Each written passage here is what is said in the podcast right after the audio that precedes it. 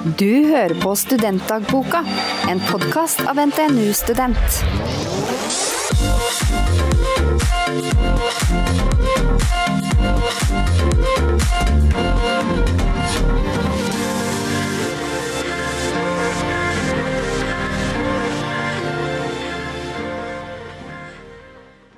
Hei og velkommen til episode seks av Studentdagboka.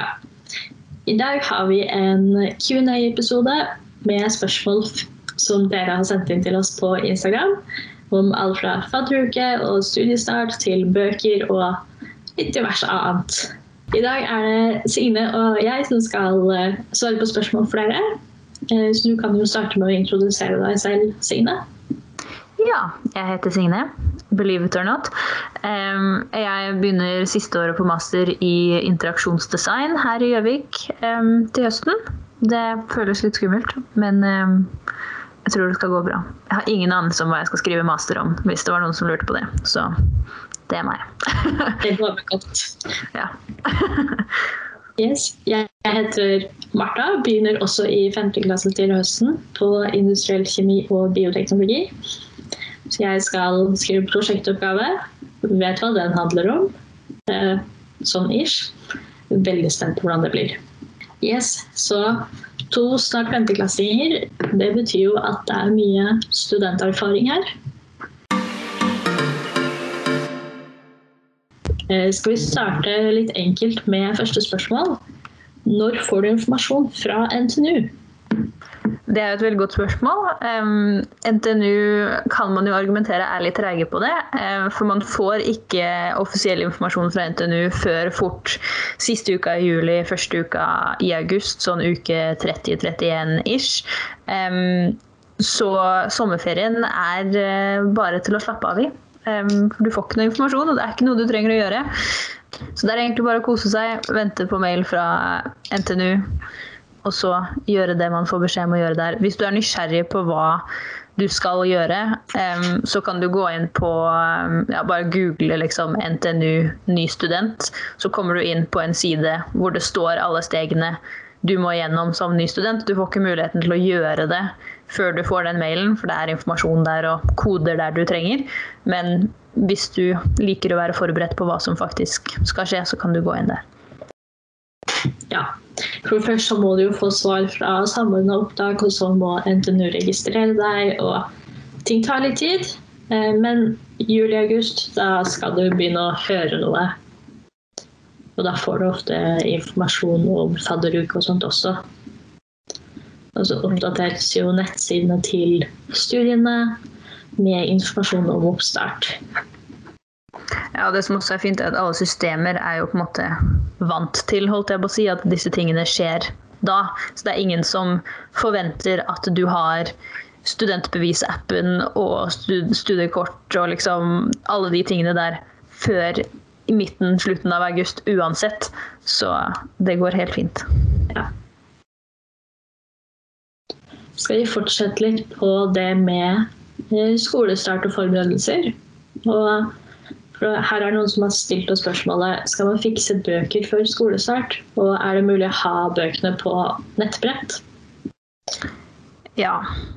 Um, viktigste er ikke skaff deg bøker før skolestart. Um, det er noen pensumlister som ligger på nett, men det er jo tidligere års pensumlister. Det kan ha kommet nye bøker, det kan være en ny foreleser i faget um, som ønsker at dere skal, ta, uh, skal bruke andre pensumbøker. Um, så det er viktig å vente til man på en måte har hatt den første forelesningen og får informasjonen direkte fra foreleser. Um, og så er det jo da sånn at fadderne er jo den beste kilden til bøker, for de hadde jo faktisk faget i fjor. Ja. Eh, Kjøp bøkene brukt når du kommer. Kjøp de av faddere og i Facebook-grupper. Eh, Det er generelle Facebook-grupper for NTNU, og så er det gjerne studiespesifikke grupper òg for bøkene som bare er på ditt studie. Eh, Så vent til studiestart. Og hvis boka di er PDF-fil, så kan du ha den på nettbrett. Eller hvis du finner en e-bokversjon. Men det er ikke alle bøker du får tak i PDF-en på. Nei, og så er det jo ikke alle som liker å lese i hvert fall skolebøker som e-bok. Det er ikke jeg så veldig glad i. Sånn, nå som vi har uh, hatt studier under korona, så har i hvert fall våre forelesere vært, uh, eller prøvd å være veldig snille og liksom skulle gi oss alle bøkene som e-bøker. Og jeg har vært sånn det er, Tusen takk for gratis e-bok. Nå skal jeg gå på Akademika og bestille boka fysisk, for jeg klarer ikke å lese digitalt. Så jeg har liksom ja, bestilt alle bøkene fysisk, selv om vi fikk de gratis digitalt. Ja, akkurat det er veldig smak og behag. Eh, om du skal notere inn og selge den videre. Det er jo ikke så lett å selge en e-bok videre som det er å selge en fysisk bok. Mm. Ja. Men det her begynner jo litt i det at det er ikke nødvendig å begynne å studere i ferien. Eh, det tror jeg det er viktig å huske på at NTNU forventer ikke at du har forberedt deg før du begynner på studiet. Du er kommet inn, og da er du god nok til å gå studiet. Og så har du lyst til å friske opp matte eller kjemi, eh, så har NTNU oppfriskningskurs eh, i begge deler uka før studiestart. Eh, så det er det også bare å google oppfriskningskurs matte NTNU, så kommer informasjon. Eller så kan du sende oss en melding på Mm. at NTNU student på Instagram. Jeg tror også det er veldig mange som på en måte har hørt at man rekker ikke å komme seg gjennom hele pensum på et semester, og så tenker man at ok, men da begynner jeg i sommerferien, sånn at jeg kanskje rekker å komme meg gjennom hele pensum på et semester. Men poenget er jo også at du ikke skal komme deg gjennom hele pensum på et semester. Det er mye overlapp, og du skal ikke lære deg hver eneste setning som står i pensumboka. Du skal lære deg overordna konsepter og teorier, og ja, avhengig av hvilket studie du går på, selvfølgelig, hva du skal lære. Men det er ikke sånn at NTNU forventer at du skal holde på i ferien for å stå på eksamen. Det skal nok gå helt fint. Ja, altså eh, Forelesningen starter jo eh, med det grunnleggende.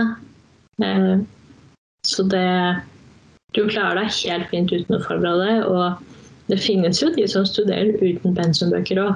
Veldig ofte så får du mye informasjon i forelesninger og på eh, Powerpoint og notater som foreleser legger ut og sånt.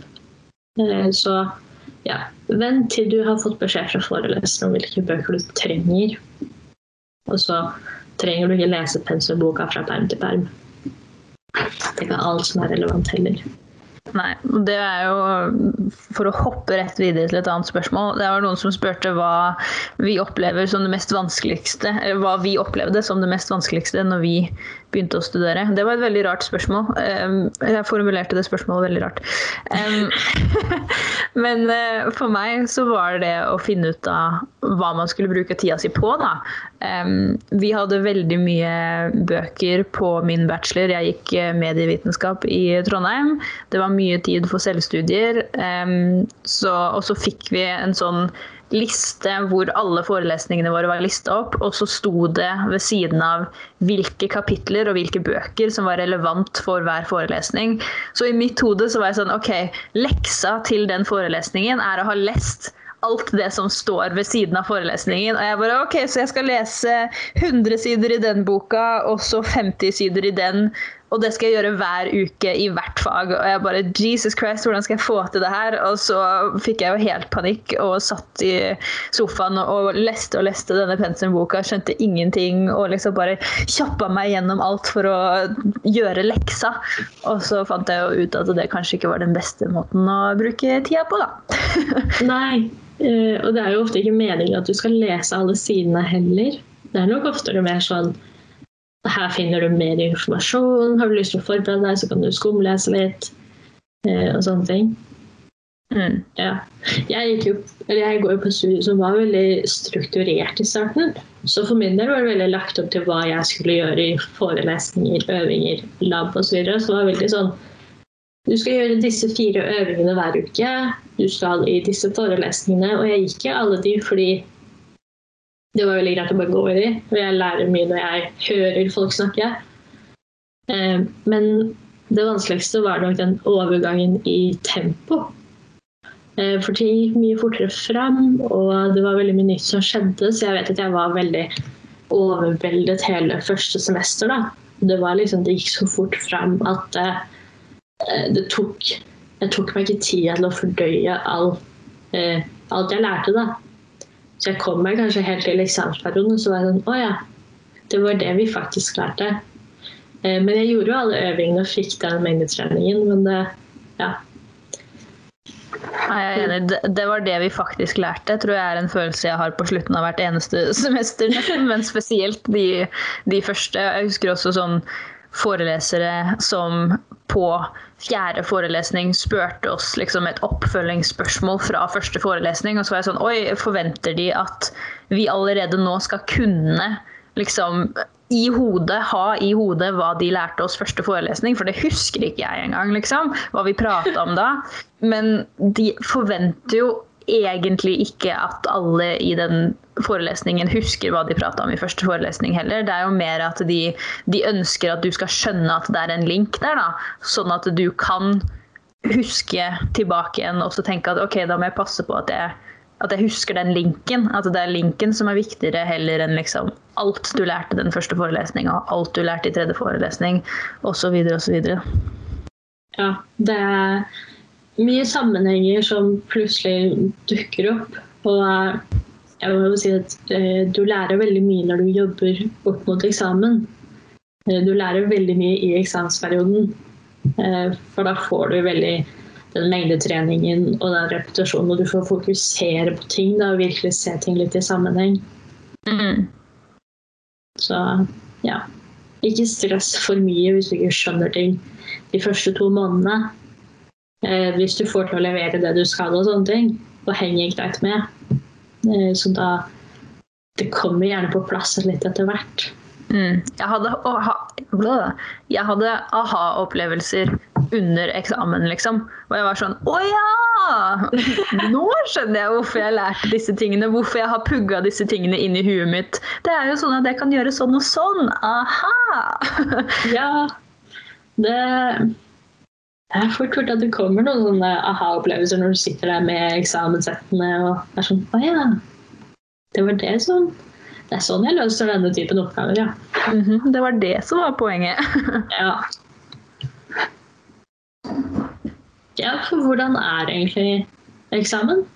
Hvordan er det veldig vanskelig? Ja.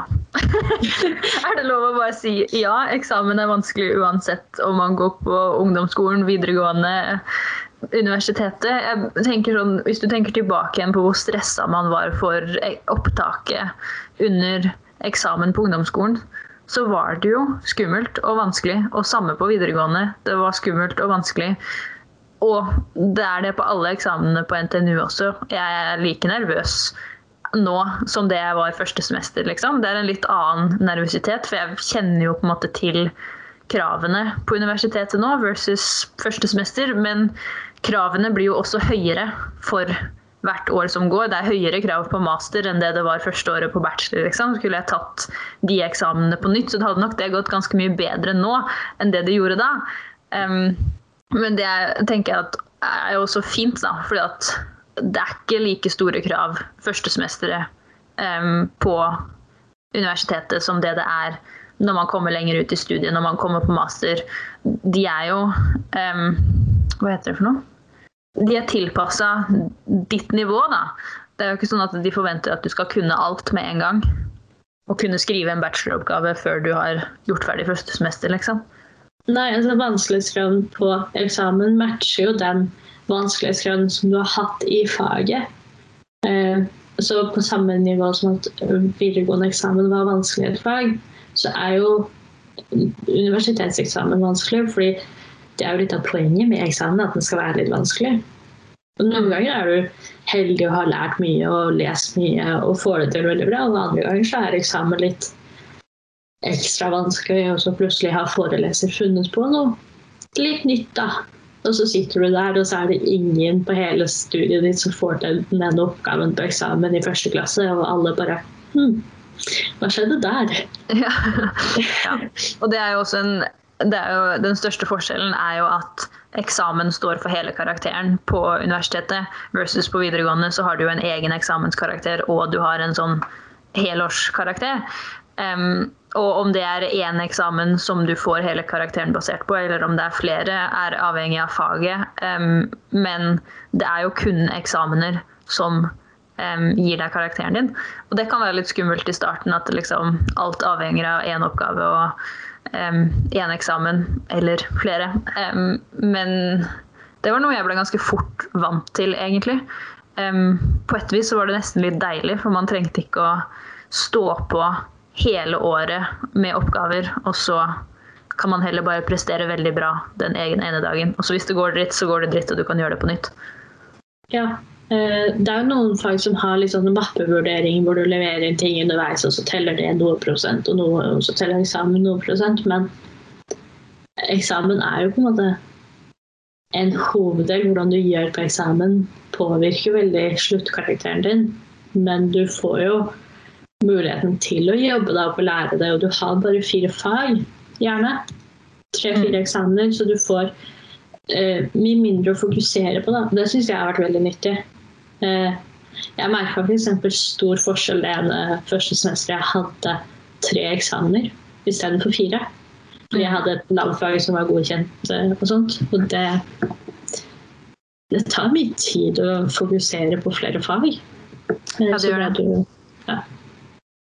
Og så er det jo, som du sier, veldig mange forskjellige typer fag, og eksamen er jo um, satt opp til å passe de forskjellige fagene. Sånn på masteren nå så har jeg jo veldig mye gruppeprosjekter hvor eksamen er å levere en gruppeoppgave vi har jobba med hele semesteret.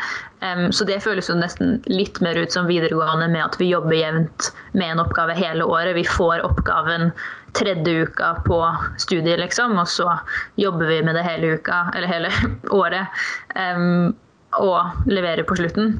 Mens andre fag så har man sånn når vi lærer om um, ja, scientific methodology, var et fag vi hadde forrige semester. Da hadde vi jo bare en fire timers skoleeksamen hvor vi fikk spørsmål hvor det var sånn Hva ville du gjort i denne situasjonen? Hva hva er denne teorien, liksom. Så det er jo veldig forskjellige eksamenstyper òg. Og det kan jo også um, gjøre eksamen lettere eller vanskeligere. F.eks. jeg syns oppgaver, sånne hjemmeeksamener hvor man kan jobbe med oppgaver i en eller to uker, eller gruppeinnleveringer hvor man har hele semesteret, er lettere for meg enn skoleeksamener og muntlige eksamener. Så så fort jeg ser at det er muntlig eksamen i et fag, så vet jeg at jeg kanskje ikke nødvendigvis får like bra karakter som jeg hadde håpa på i det faget. Men det er jo også sånn man blir vant til. Ja.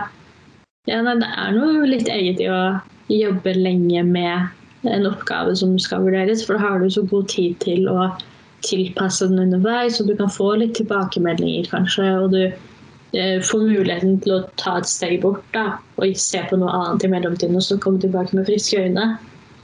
Når du har eh, skriftlig eksamen enten hjemme eller på skolen, så er det jo sånn fire eller seks timer fullt fokus på det ene faget. Og det er så fort gjort å se seg litt blind på ting og eh, henge seg opp i ting. Men man må jo bare ja, holde hodet litt kaldt. Du får veldig god trening i å ta eksamen. Ja, det er mye eksamener, så det skal gå bra. Man blir fort god på det. Ja, og så er det jo en egen periode før eksamen uten forelesninger. Eh, hvor du da kan bruke hele dagen på å lese fag istedenfor å farte fra forelesning til forelesning. Mm. Jeg skal være veldig rar og innrømme at jeg er egentlig veldig glad i eksamensperioden. Samme her. Det er noe veldig digg med å liksom ha all tida til seg sjøl. Man veit ok, jeg har tre eksamener om fire uker, tre uker, whatever. Og så liksom selv strukturere hva du ønsker å gjøre hver dag for å passe på at man er forberedt til de datoene. Sitte sammen i kollokviegrupper og pugge sammen og faktisk få de der aha-opplevelsene. Det er jo gøy å få sånne aha-opplevelser òg. Ja, jeg syns eksamensperioden er veldig fin fordi du får muligheten til å gå litt mer i dybden på ting og jobbe med ting over lengre tid. Eh, og det er gjerne da det løsner litt for meg. Og så får du veldig hyggelig med liksom det sosiale pausene og eh, lunsj sammen og prate med folk og diskutere og eh, når dere har samme fag, så er dere jo på samme sted gjerne. Og da er det veldig fint å kunne diskutere oppgaver og temaer og sånt. Mm. Ja, for du sa jo, Marte, at um, det er fint å være samme sted som de man uh, tar fag sammen med. Hvordan har det vært uh, under korona? Det har kanskje ikke skjedd like mye? Nei, det er veldig mye av det sosiale som oppstår veldig naturlig fordi man sitter på skolen og jobber sammen, uh, som har forsvunnet, siden det er liksom digitale forelesninger og digitale øvingstimer og Eh, sånne ting. Og så da når du allerede sitter hjemme og har de har forelesning, da, så er det litt høyere terskel for å gå på skolen og jobbe sammen i noen timer. Mm. Eh, men nå har jeg vært heldig og har et etablert nettverk i Trondheim eh, som har hjulpet veldig. Og så har jeg hatt et fag hvor jeg har jobbet sammen på gruppe da, med to venner hver uke med øvinger. Og da har vi jobbet via Zoom. Men det har, vært, det har hjulpet mye bare det å ha sånn faste møtetidspunkt. Eh, så å studere under korona har vært litt eh, kjedeligere. Mister mye sosialt. Veldig lite sånn som skjer, og litt eh, vanskeligere å finne på ting eller bare dra ut på samfunnet en fredag. Men du får jo også andre sosiale ting med vennene dine. da, Og litt andre typer arrangementer, og ikke bare festing, men litt mer sånn lavterskel. Og jeg har hatt mye filmkvelder. Jeg har sett veldig mye Twilight. Eh, det har vært litt kjedeligere, men jeg har jo hatt eksperter i team. Så jeg har vært på, på skolen omtrent hver onsdag. Så det har hjulpet veldig. Å få ja. den fysiske tilstedeværelsen og møte folk der, da. Ja, det skjønner jeg. Jeg har jo også hatt uh, eksperter i team. Det er jo et fag som nesten alle masterstudenter på NTNU tar. Jeg valgte å ta en virtuell um, virtuell landsby, som det heter. Altså liksom undertema da, av eh, eksperter i team. Um, fordi at jeg hadde tenkt at da kan jeg reise til Sverige og møte kjæresten, og da er alle forelesningene mine digitale, så det blir fint. Og så stengte de jo grensa til Sverige, så det ja. funka veldig dårlig. Um, men um, det som har vært fint for meg, da, jeg hadde jo ikke noe nettverk i Gjøvik når jeg begynte. Eh, men jeg syns eh, de som har kjørt interaksjonsdesign, har vært veldig flinke til å sette oss opp på grupper og starte gruppeprosjekter. Eh, for det gjør jo at jeg har blitt kjent med alle i klassen over Teams, da, men jeg har jo blitt kjent med dem allikevel. og ja, vi har hatt mye digitale forelesninger. og og sånne ting, og det kan jo være litt kjedelig. Sånn. Det er mye vanskeligere å motivere seg til kvart over åtte-forelesninga når man kan rulle ut av senga ti minutter over åtte og se på forelesningene i senga, liksom. Det skal innrømme at det har skjedd altfor mange ganger dette semesteret. Um, men gruppearbeid på Teams syns jeg faktisk har funka veldig bra. Um, jeg har fått noen veldig gode venninner, og vi har samla oss på ganske mange prosjekt, sånn at vi har jo sittet i sånn på Teams hvor vi har lagt på på slutten av dagen, og så står det liksom sånn Du har vært på Teams i åtte timer i dag, men vi har jo ikke sittet og prata skole hele tiden. Vi har jo skravla, vi har spist sammen, vi har sittet helt stille og jobba med andre ting. ikke sant? Men du har noen der, da, og det blir litt mer livlig i rommet, I guess, når man kan sitte sammen med noen på Teams over såpass lang tid at det ikke bare er sånn at man spretter inn en time og diskuterer det man må diskutere, og så drar igjen, liksom. Ja, nei, det er veldig det hjelper mye på den følelsen bare det å ha noen på Teams og ha litt sånn Du får muligheten til å småprate litt, da. Og det, det er en veldig viktig del. Og så var det jo mer fysisk i høst, i hvert fall for min del. Ja, sånn er det. Eh, og så har jeg faktisk fått være på lab i år. Nå i vår. Jeg har hatt et labfag. Eh, så det har vært litt fysisk og litt digitalt. Og så vet jeg jo at NTNU prioriterer de nye studentene på mm. campus. Men det med korona og studier, det henger jo ofte litt sammen med fadderukene, hvordan det er å møte nye folk. Mm. Eh, så vi har jo fått noen som har spurt oss eh, er det lett å bli kjent med nye som ny og alene i Trondheim. Og er det vanskelig å få venner hvis man starter studiet som 23-åring. Eh, og da må jeg bare si at alder er ikke noe hindring for å få seg venner på studiet. Eh, det er mye forskjellige aldre. som starter, enten rett fra videregående eller så har du hatt noen friår og gjort andre ting. Eh, så det er vanlig med et visst aldersspenn, og det viktigste er at du tar litt initiativ. Eh, og dere er jo i litt samme livssituasjon. Du har starta på et nytt studie og har lyst til å bli kjent med nye folk. Og det er jo den viktigste delen, ikke nødvendigvis nøyaktig hvor gammel du er. Mm. Jeg er helt enig. Alder er relevant i de fem første minuttene man møter noen, når man sier liksom 'Hei, jeg er Signe, jeg er så så gammel', bla, bla, bla. Og så er man sånn 'Å ja, jeg er 96-er, og du er 00-er, og du er så spennende', liksom. Og så ferdig med det. Og så går man over til helt andre ting. Ja, det er plutselig veldig mye mindre viktig med aldersspenn på universitetet. Ja, altså Plutselig så har du gått i klasse med noen et år, og så er det sånn Å ja, shit, du er fire år eldre enn meg, ja. ja det, det har ikke jeg merka. Nei. Så det Ja.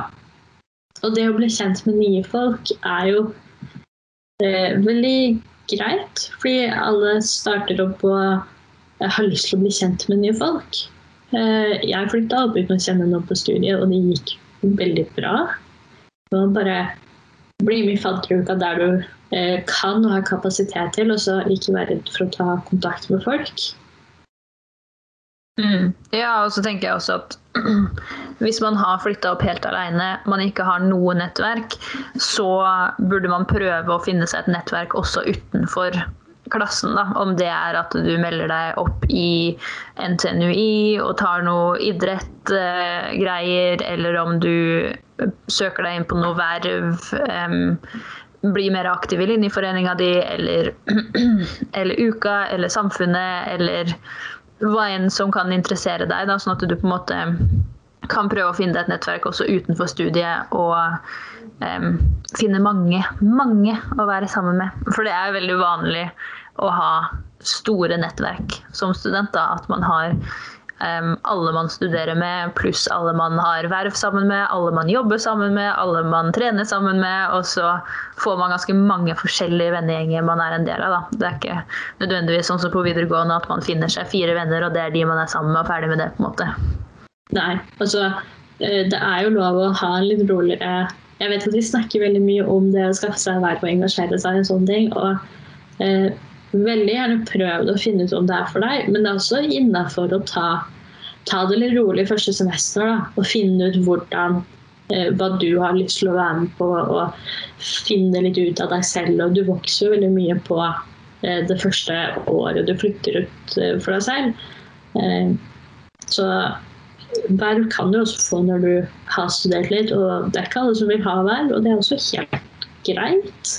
Du finner jo andre steder å bli kjent med folk uansett. Mm. Det eneste jeg gjorde første semester, var å skaffe meg jobb. Jeg fikk, jeg en jobb, og det var i NTNU Student. første semester. Um, og så andre semester så fikk jeg vel meg enda en jobb og begynte å trene med NTNUI og gjorde en ting til som jeg ikke husker engang. Ja, Det eksploderte da i andre semester, for å si det sånn, så jeg tok også et litt roligere første semester bare for å etablere meg og se hvor mye kapasitet jeg hadde. Og det er jo noe med det at Man vet jo heller ikke hvor mye tid man kommer til å bruke på skole. Så det er litt deilig å, å bli kjent med seg selv på det før man putter inn masse ekstra. Ja. Men det, ja, det å være med i fadderuka og ta kontakt med folk på studiet hjelper jo veldig mye eh, for å komme i gang eh, som ny og alene. Det er mye hjelp av det å se kjente fjes i forelesningsrommet og vite at du kan gå ned og sette deg med de. Eh, det å ja, gå til kantina sammen og sånt. Og så går det veldig fint om du ikke finner de beste vennene dine i faddergruppa. Du kommer på en faddergruppe, og kanskje er det full liksom, helt klaff med personlighet og alt. Og kanskje er det ikke det, men eh, bare det å få noen du kjenner igjen, er veldig mye hjelp. Og så blir du kjent med folk etter hvert. Mm. Første semester er en testperiode. Det er ikke ja. sånn studielivet blir seende ut i tre til fem år til enda flere år, om man ønsker det. Og så er det noen som har eh, spurt oss hvilke fordeler og ulemper det finnes ved å flytte til en annen by for å studere. Jeg flyttet eh, rett fra videregående for å studere. Jeg vet ikke hva du gjorde, Signe? Eh, jeg hadde jo ett jobbår, jobbeår. Eh, og så flytta jeg jo til Trondheim fra Tønsberg. Så det er jo åtte timer lenger nord eller et eller annet sånt nå. Jeg hadde jo noe familie i Trondheim og har vært noe i Trondheim fra før. Så fordelen med å ha familie i den studiebyen Selv om jeg flytta til en annen by, så hadde jeg jo liksom tanter og besteforeldre i Trondheim. Um, fordelen med det var at frysa var aldri tom. Der var det kaker og brød fra bestemor og boller og alt mulig sånt nå, så det var veldig koselig. Um, men jeg likte at det ikke var foreldrene mine som bodde der, liksom. At det var familie litt lenger ut i familien som bodde der. Um, for jeg tror ikke jeg tror jeg hadde vært mindre avhengig av studiemiljøet da, om jeg hadde hatt hele nettverket mitt der hvor jeg studerte. Um, det er litt det vi har snakka om, at for å få deg venner, så burde du engasjere deg i NTNUI eller linjeforeninger eller verv, eller liksom være engasjert eh, og være med på ting. Mens hvis du da har det nettverket allerede, du har alle vennene dine fra videregående, du har familievenner, du har kusiner og fettere, bla, bla, bla, eh, så vet jeg ikke helt om jeg hadde vært like motivert til å engasjere meg. Og da hadde jeg jo ikke nødvendigvis fått den eh, studentopplevelsen som mange ønsker da, når de begynner å studere og er student. Så det vil jeg si er liksom Det er fordeler med å ha familie i nærheten, men det er også ulemper, da. Ja. Jeg syns det var veldig deilig å eh, flytte til et nytt miljø og være selvstendig. Og få prøve noe helt nytt. Eh, jeg hadde jo en storesøster som eh, studerte i Trondheim fra før, og en kusine her. Men jeg søkte studentbolig på andre sida av Gløshaugen.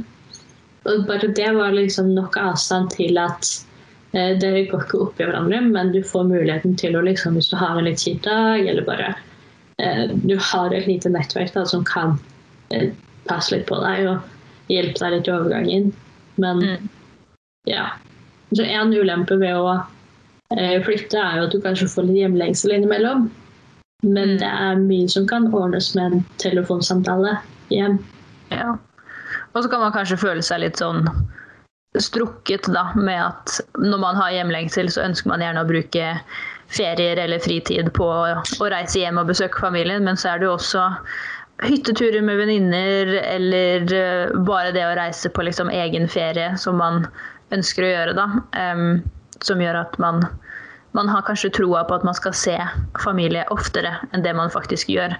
Um, som kan være litt kjipt. Men uh, det er jo også veldig gøy å være på hyttetur med venninner, da. ja, ikke sant. Altså, jeg flytta uh, også ganske langt unna. Det var jo seks-syv timer i bil. Mm. Uh, og det var jo et bevisst valg at jeg ville ha litt avstand, for da var den terskelen for å reise hjem en helg mye høyere. så det tvinger deg litt til å være litt mer selvstendig. da.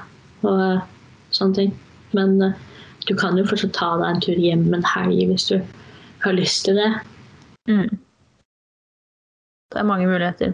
Og så helt sånn praktisk så um, kan vi jo også nevne at hvis du bor hos foreldrene dine, så får du jo ikke gjort om lånet ditt fra Lånekassa til stipend. Da blir alt lån. Så det er jo definitivt en ulempe med å bo hjemme hvis du ønsker å bo hjemme som student. da ja, og vil ha fullt lån og stipend. Eh, for du kan jo spare en del penger kanskje på å bli boende hjemme hos foreldrene dine, men eh, da må du veie det opp med det å ha den opplevelsen av å bo i et kollektiv eller bo alene og flytte med venner og sånt. da. Mm. Eh, det er jo verdifulle erfaringer som gjør at du vokser ganske mye som en person. Mm. Så. Ja, så tenker jeg også det er avhengig av ja, hvem du er og situasjonen din og sånn. Jeg vet at Broren min bodde jo hjemme mens han tok eh, bachelor. Um, men vi hadde jo kjellerleilighet hos oss, så han bodde jo i kjellerleiligheten til mamma og pappa. Men han spiste jo ikke alltid middag med oss, liksom. Han lagde seg ofte egen middag, eller han var ute på ting, eller Ja, han var ganske selvstendig, selv om han teknisk sett bodde hjemme. Ja, det er jo en eh, løsning som jeg ser for meg er litt lettere å eh, trives i. da. Mm. Ja, nei, mitt eh, tips er å flytte til studiebyen. Eh, og gjerne hvis drømmestudiet ditt er i en annen by enn hjembyen din, ikke la det stoppe deg på en måte. Mm. Og hvis du skal studere i Trondheim og du er fra Trondheim, så kan man jo vurdere å flytte ut hjemmefra uansett, liksom. Og bo sammen med venninner. Ikke nødvendigvis første semesteret når alt starter opp, men hvis du får deg noen gode venninner som bor i kollektiv sammen, og så får de tilfeldigvis et ledig rom. Hvorfor ikke? Ja, det koster litt penger, men det er jo en morsom opplevelse da, å bo sammen med venninner en liten stund. Ja. Du må jo ikke bo hjemme selv om du bor i hjembyen din. Mm. Mm. Og så over på noe helt annet. eh, hvor fleksibelt er det å bytte ut emner? Emner er da fag. Ja. Jeg sier jo emner og fag om en annen, så jeg beklager det. Men eh, det er jo veldig avhengig av studiet, da. Eh, for å begynne der. Uh, alle studier kommer til å ha obligatoriske fag, som alle som går studiet må ha. Eh, veldig mange studier har valgfag, hvor man må liksom velge en gruppe med Innad i en gruppe med fag så må man velge liksom så og så mange eh, som man da også skal ta. Og så er det jo noen studier som har eh, helt åpne uh, valg, hvor det ikke er sånn at du kan ta det ikke er sånn at du kan velge mellom visse valgfag, men det er bare åpne 15 poeng f.eks. som du kan fylle med hva du vil. Da. Um, og hvis du har sånne åpninger, så kan man jo søke seg på hvilke som helst emner på NTNU, så lenge de ikke har krav sånn om det er begrenset adgang eller forkunnskapskrav eller sånn type ting, så kan man søke seg inn på nesten hva som helst, på en måte. Og i tillegg så kan man jo ta ekstrafag på toppen av det man skal, hvis man er crazy. Ja, det er noen som kjører på med ekstra studiemengde, og det er imponerende. Men det er jo det er noen studier som har breddeår. Og det betyr at du kan ta eh, veldig Du kan velge veldig fritt av hva du vil fylle det eh, andre året av tre år på bachelor eh, med. Eh, så der er det jo mye fleksibilitet til å tilpasse ditt studie til dine ønsker. Mm. Jeg gjorde jo det. Eh, medievitenskap har jo breddeår, så jeg brukte det året på utveksling i London. Og da, siden det er et breddeår som du kan fylle med basically hva som helst, så var det jo heller ingen krav til hva slags emner jeg måtte ta på utveksling. Så jeg tok jo alt fra historie og religion til noen mediefag, liksom. Men historie og religion er jo ikke relevant medievitenskapskunnskap nødvendigvis. Men jeg fikk lov å ta det fordi at det var en del av et breddeår, og det var på en måte muligheter til å velge og vrake. Ja. ja jeg har jo en Jeg går jo en linje som har eh, retningsvalg innenfor kjemi. Eh, og min linje har mye valgfag, og da er det jo eh, mulighet for å tilpasse fagene til hvilken del av kjemien jeg er mest, mest interessert i. Og det er en veldig grei mulighet, da, sånn at du slipper det du syns er kjedelig, og så får du gjøre det du syns er gøy. Men generelt tips her er å snakke med veileder, for de kan hjelpe deg med å velge fag og det å bytte ut fag og sånne ting. Eh, og så er det jo de som begynner på et studie, eh, går det en liten stund, og så finner du ut at oi, dette var feil studie for meg. Eh, da kan du ofte også bytte ut fagene som egentlig er i planen, hvis du har tenkt å bytte til et annet studie. Men igjen så må du snakke med veileder da, for å passe på at du får riktig informasjon og riktig hjelp til å ta de riktige fagene. Mm. Ja, det er en av de tingene som er veldig fint med universitetet, er at det er utrolig mye muligheter hvis man har um, Hvis man ønsker, da. Så kan man bare snakke med veileder om at man ønsker å ta visse fag. Um, og så går det som regel fint. Det er som regel muligheter for det. Um, og jeg tror også det er mye lettere å skjønne så fort man får tilgang til studentweb og ser hvordan utdanningsplanen ser ut på studentweb. Um, det er der man melder seg opp i emner og um, og får en oversikt over hele, uh, hele studiet man skal ta. Så jeg bare er inne i studentweben min nå, f.eks., så står det neste semester at jeg har ett emne som er 100% obligatorisk, så der har jeg ikke noe valg. Det er bare å melde seg opp i. Og så har jeg to emner hvor det står at de er obligatoriske, men at jeg skal kun velge én av dem. Så jeg må velge én av dem, men jeg kan velge hvem av dem jeg har lyst til å ta. Og så har jeg en bolke med fag som er valgfrie fag, som jeg da kan velge helt fritt mellom, så lenge jeg passer på å fylle opp 30 studiepoeng um, til neste semester. Da. Så jeg har jo på en måte to fag som er obligatoriske, men hvor det ene obligatoriske faget kan jeg velge mellom to obligatoriske fag. Og så har jeg valgfrie fag, så det er jo veldig mye forskjellige måter å sette opp um, en studieplan på. Um, så man får mye bedre oversikt over når man er inne i studentweb og ser selv, da. Ja, det er veldig mye som er mye lettere å forstå så fort du begynner. Eh, det er litt eh, kjipt, for man har jo kanskje lyst til å forberede seg mest mulig og sette seg inn i mest mulig før man starter, men veldig mye faller automatisk på plass når man begynner. Eh, for du får litt mer innsikt i hvordan systemet funker og sånne ting. Mm. Også et lite tips i forhold til studentweb er at um, det er vel høstsemesteret, så er det vel fram til 1.9. eller et eller annet. Man har helt 100% muligheten til å liksom melde seg på og melde seg av fag. Um, så jeg pleier å melde meg på alle fagene som står oppført det semesteret i Studentweb, sånn at jeg får tilgang til alt på Blackboard, og jeg kan se um, første forelesning i alle fag og være med på første forelesningen i alle fag, og så få bedre innblikk da, i hva som kommer til å skje. Første forelesning er som regel 'hei, velkommen, dette er det faget skal handle om'. Um, og så kan jeg da, etter at jeg har vært på første forelesning, melde meg av de emnene som ikke var så spennende, da, og faktisk ta valget mitt da. Så man har ganske god tid på å velge, da. Ja.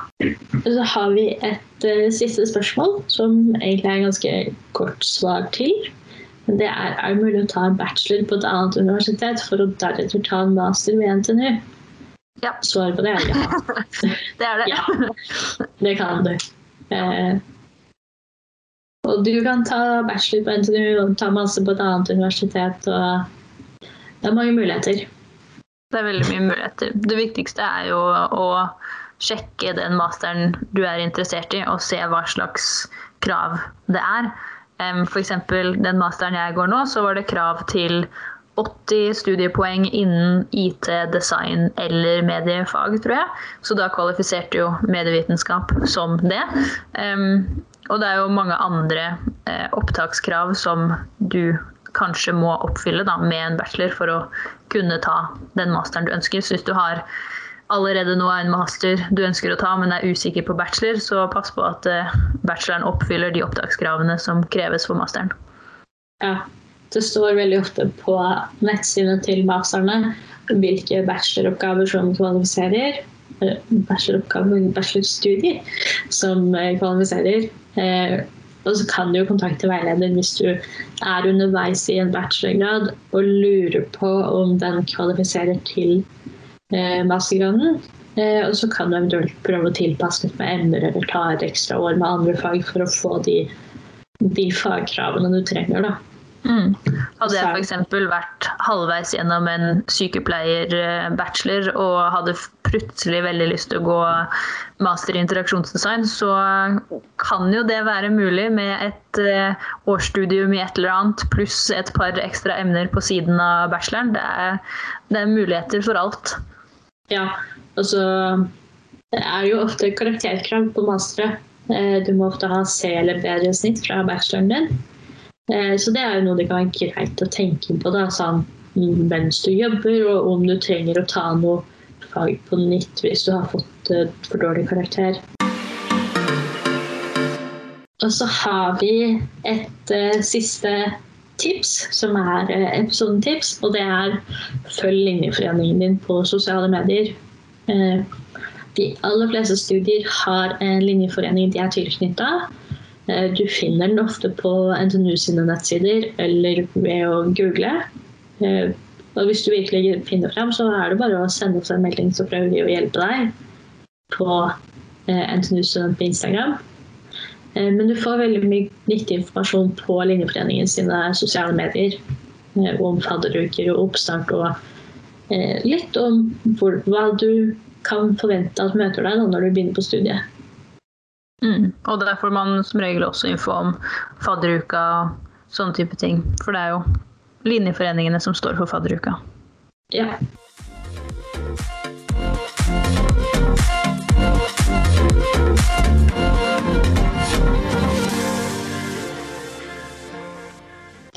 Så det var det for eh, dagens eh, Q&A-episode. Vi håper du har fått svar på noe av det du lurer på. Hvis du har flere spørsmål, så er det bare å sende oss en melding. Eh, Du finner oss også på YouTube, eh, NTNU Student der også. Og så har vi en blogg, studentblogg.ntnu.com, hvor vi har mye informasjon om ulike studier, og det kommer innlegg om hva som skjer i starten av semesteret og videre. Sjekk oss ut der.